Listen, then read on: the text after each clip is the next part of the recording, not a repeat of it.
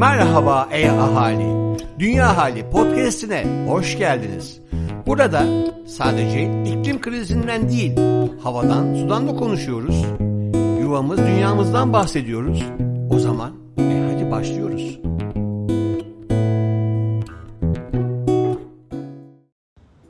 Herkese merhaba. Ben Deniz Aktaş. Bu haftaki Dünya Hali bültenini seslendirmekten büyük mutluluk duyuyorum. Haydi başlayalım. Dünya Hali Bülten No 17 Dünya Çevre Günü bu yıl ekosistem restorasyonu temasını odağına alarak yuvamız dünyanın sahip olduğu birbirinden çeşitli ve değerli ekosistemleri koruma ve yeniden canlandırma çağrısı yapıyor. Dünyayı kurtarmaya nereden başlamalıyım diye düşünüyorsanız hayatımızın her alanında atılabilecek sürdürülebilir adımları içeren iklim dostu yaşam rehberimizin yayında olduğunu sizlerle paylaşmaktan büyük heyecan duyuyoruz. Aklımızda tutalım, her birimiz çözümün bir parçasıyız. Dünya Hali ekibi adına Kübra Dağtekin. İklim Masası Çağla Fadıllıoğlu. Haberler. Sıcaklık artışının önümüzdeki 5 yılda geçici olarak 1,5 dereceye çıkma olasılığı %40.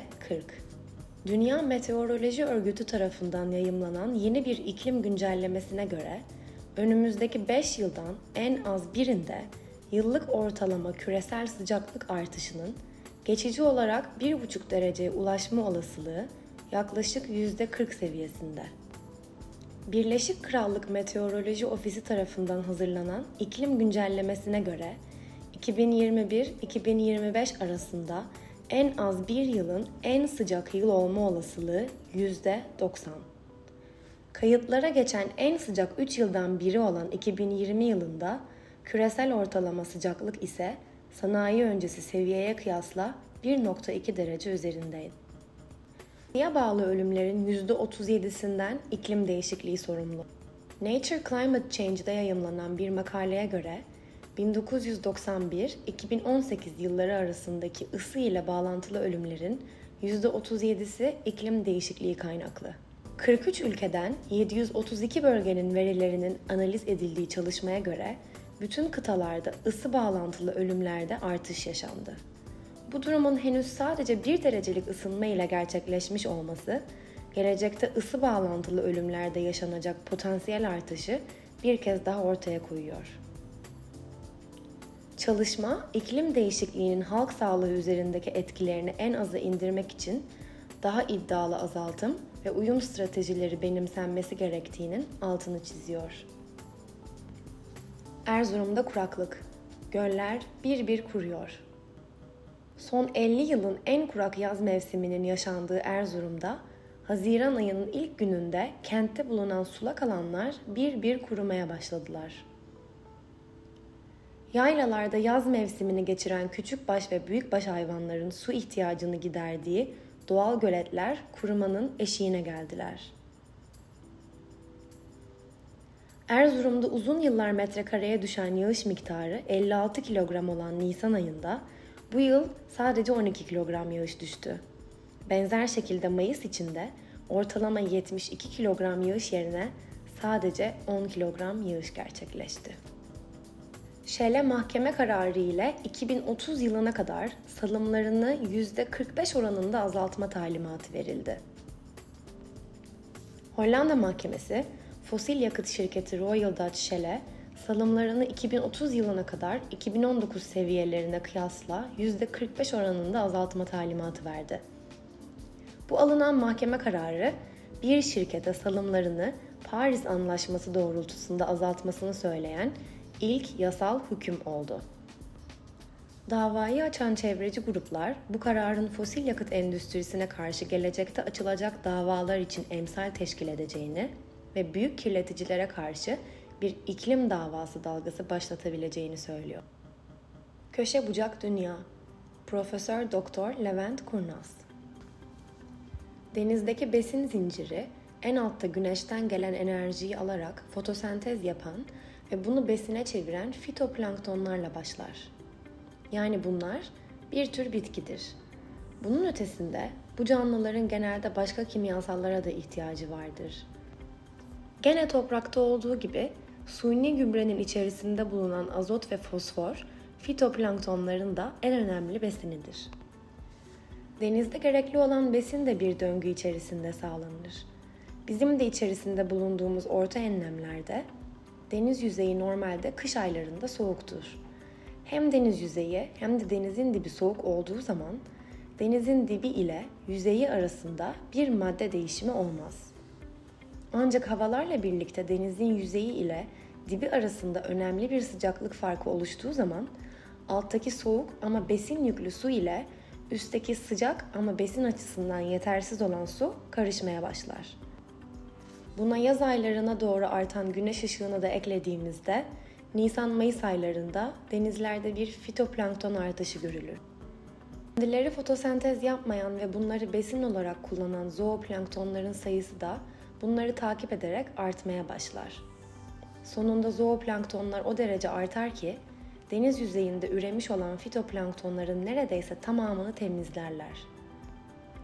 Yaz ayları boyunca diğer balıklar da zooplanktonlarla beslenerek onların sayısını azaltırlar ve sonbahar aylarına geliriz. Sonbahar aylarında denizin yüzeyi ile altı arasındaki sıcaklık farkı yüksek ve zooplankton sayısı da düşmüş olduğu için fitoplanktonlara bir üreme fırsatı daha doğar. Ancak sonbaharın sonuna doğru hem ışık miktarı azaldığı hem de deniz suyu hızla soğuduğu için bu üreme fırsatı ilkbaharda yaşanan kadar kuvvetli olmaz. Kış aylarında balıklar da kalan planktonlarla beslenerek tekrar bir sonraki ilkbahara sistemi geri hazırlarlar. Bu döngü genelde açık denizlerde insan etkisi dışında görülen döngüdür. Peki Marmara'da neler oldu? Marmara pek de derin olmayan bir iç deniz. Bundan dolayı da işler yukarıda anlattığım gibi yürümüyor çoğunlukla. Öncelikle fitoplanktonların deniz dibinden gelen besine fazla ihtiyaçları yok. Çünkü biz devamlı deniz yüzeyine onlar için besleyici olacak maddeler salı veriyoruz. Bu maddelerin başında da tarımda bolca kullanılan suni gübre geliyor. Bu gübrelerin aşırı ve yanlış zamanlarda kullanımı yağan yağışlarla birlikte dereler, oradan da denize akıp gitmelerine neden oluyor. Bu nedenle de fitoplanktonlar yağışlı dönemlerde bir de hava güneşli ise iyice bayram yapıyorlar.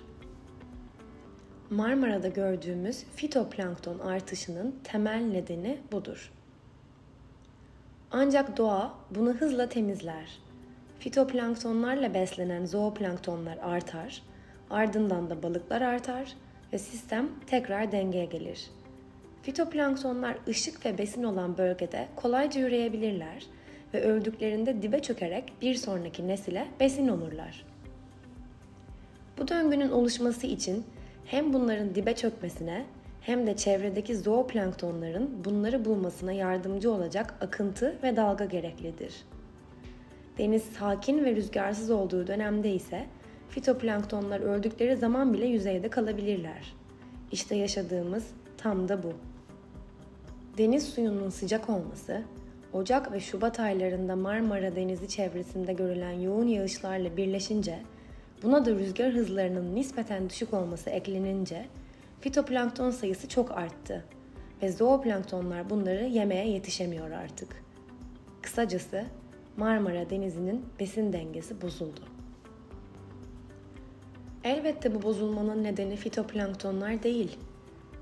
Öncelikle başta suni gübre olmak üzere bu iç deniz etrafındaki tüm sıvı atıkları sonsuza dek o atıkları temizleyeceğini düşünerek denize bırakmamız bu olayın asıl nedeni. Biz bu şekilde davranmaya devam ettiğimiz sürece bu sorun her sene görülecek. O zaman ne yapmalı? Marmara Denizi'ni dev bir foseptik çukuru gibi görmeyi acilen durdurmamız gerekiyor.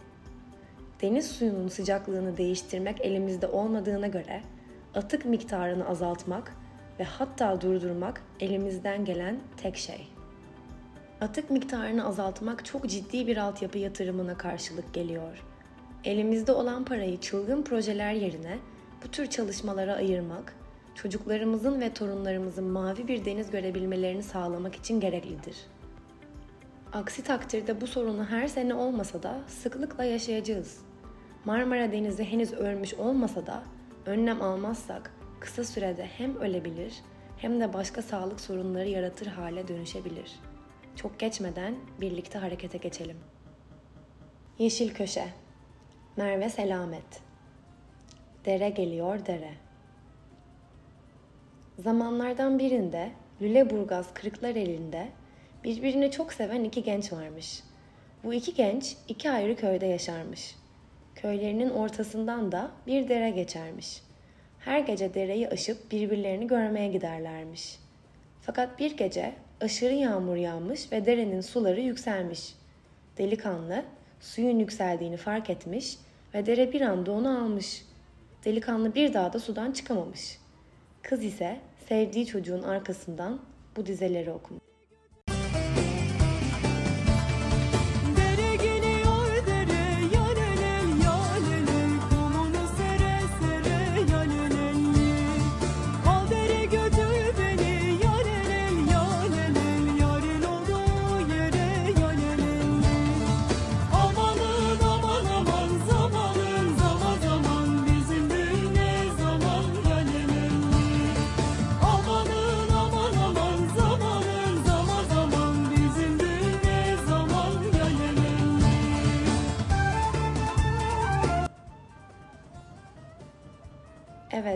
Bu hepimizin ezbere bildiği Kırklareli Lüleburgaz yöresine ait bir türkü olan Dere Geliyor Dere isimli türkünün hikayesi. Aslında bugün de durum pek farklı değil. Dere yatakları kurutulursa ve daraltılırsa yağmur sularının da bu daraltılmış derelere ulaşması mümkün değildir. Yağmur suyunun ulaşmadığı eski dere yatağı bölgelerinde sel felaketi riski ortadan kalkmaz, hatta artar. Dere yataklarının çevresine beton dökülmesi doğal dengeye zarar verir. Derelerin doğal yapısını koruyacak ve doğa merkezli bir yaklaşımla yapılacak stratejik planlar ve teknik uygulama araçları ile çevresiyle ilişkisinin kurulması için kaybedilen derelerin havza alanları ile birlikte yeniden kentlere kazandırılması planlanabilir. İlham veren girişimler. Aslı söz dinler. Telfar, yavaş modanın hızlı yükseleni. Geçtiğimiz aylarda Boston Consulting Group'un New York ofisinden Sarah Willersdorf'un konuk olduğu moda ve lüks tüketim sektöründe sürdürülebilirlik konulu çevrim içi bir seminer yapıldı. Sarah Willersdorf, BCG'nin global lüks tüketim sektöründen sorumlu baş direktörü ve özellikle moda ve güzellik alanında uzmanlığıyla tanınıyor. Sarah, modada sürdürülebilirliğin markalar için sadece şık bir konu olarak gündemde kalmasının artık mümkün olmadığını savunuyor. Moda ve lüks tüketim sektörü, küresel karbon emisyonlarının yaklaşık %10'unu oluşturuyor. BCG'nin yaptığı araştırmaya göre, müşterilerin %38'i iklim krizi ve sürdürülebilirlik konusunda daha sorumlu davrandığını düşündükleri markaları seçmeye başladı. Müşterilerin yanı sıra sektördeki çalışanlar da işverenlerinin dünyamız için daha sorumlu davranmasını bekliyor. Çoğu şirket için tedarik zincirini saydam hale getirip sürdürülebilirlik adımları atmak çok maliyetli olsa da hiç adım atmamanın veya yavaş hareket etmenin gelecekteki maliyetinin marka için çok daha fazla olacağı özellikle vurgulanıyor. Artık müşteriler kimin adım atıp atmadığı konusunda çok daha seçici olacak. Bunun yanı sıra ham maddeye ulaşımdaki kısıtlamalar ve devletin getireceği yeni regülasyonlarla sürdürülebilirlik alanında hızla dönüşebilen şirketler rekabet avantajı sağlayacak. Bu bilgilerin ışığında kaynaklarının çoğunu yerel bölgelerden sağlayan, karbon ayak izini düşüren, yerel halka destek olan ve hayvan haklarına saygılı olan şirketler yeni dönemde parlayacak. Bu şirketlerden biri Amerika'da moda sektöründe öne çıkmaya başlayan çanta markası Telfar. Telfar, moda takipçilerinin ikon çantası olarak yerini almış durumda. 2020'de London's Design Museum'dan ödül alan çanta markasının yaratıcıları Telfar Clemens ve Babak Radbo, şu ana kadar çok karşılaşmadığımız bir iş modeliyle ilerliyor. Telfar'da stok fazlası ürün yok. Çünkü ön siparişle çalışıyor ve sipariş aldığı kadar üretiyor. Clemens iş modeli için güzel şeyler beklemeye değer diyor. Bu yaklaşım pandemi sürecinde elinde çok fazla ürün kalan moda sektörü için gelecekteki iş modellerine temel oluşturabilir. %100 vegan deriden üretiliyor. Infinitum Global tarafından yayınlanan rapora göre vegan deri pazarının 2025'te 89 milyar dolara çıkması öngörülüyor. Alışveriş çantası olarak konumlandırılan Telfar, %100 pamuklu çanta ile paketleniyor. Telfar, Amerika Moda Tasarımcıları Konseyi'nden kazandığı fon ile üretim sürecinde çalıştığı fabrikaları da sürdürülebilir moda yönünde dönüştürme çabasında. Artık markalar sadece kendilerinden değil, tüm tedarik zincirinden sorumlu hissetmeye başladı.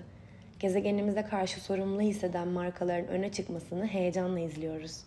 Hızla dönüşen yavaş modacılar önümüzdeki dönemde parlayacak ve Telfar gibi markalar ilham vermeye devam edecek. Yuvam Dünyalılar ne yapıyor? Kübra Güler Dağtekin İzliyoruz. Plastik Okyanus 2016 Yönetmen Craig Leeson Karayı ve denizi göz önünde bulundurduğunuzda kendinizle garip bir benzerlik bulmuyor musunuz? Herman Melville, Moby Dick Bu sözler ile başlayan Plastik Okyanus, tam 4 yılda 20'den fazla yerde çekilmiş bir macera belgeseli. Gazeteci Craig Leeson, serbest dalgıç Tanya Streeter ve bilim insanları dünyanın farklı noktalarına gerçekleştirdikleri ziyaretler ile plastik atık sorununu derinlemesine keşfediyor ve çözümleri anlatıyorlar. Bu yolculuğu ve ekibin maceralarını Netflix'ten izleyebilirsin. Geziyoruz. Doğa alarm veriyor sergisi. Dünyamızı ve çevremizi korumak ve bu konuda toplumsal farkındalık yaratabilmek amacıyla sizi 5 Haziran Çevre Günü'ne Özel Aydın Doğan Uluslararası Karikatür Yarışması arşivinden hazırlanan Çevrim içi Doğa Alarm Veriyor isimli karikatür sergisini gezmeye davet etmek istiyoruz. Sergiyi 5-30 Haziran 2021 tarihleri arasında Türkiye Gazeteciler Cemiyeti Basın Müzesi'nde de görebilirsiniz.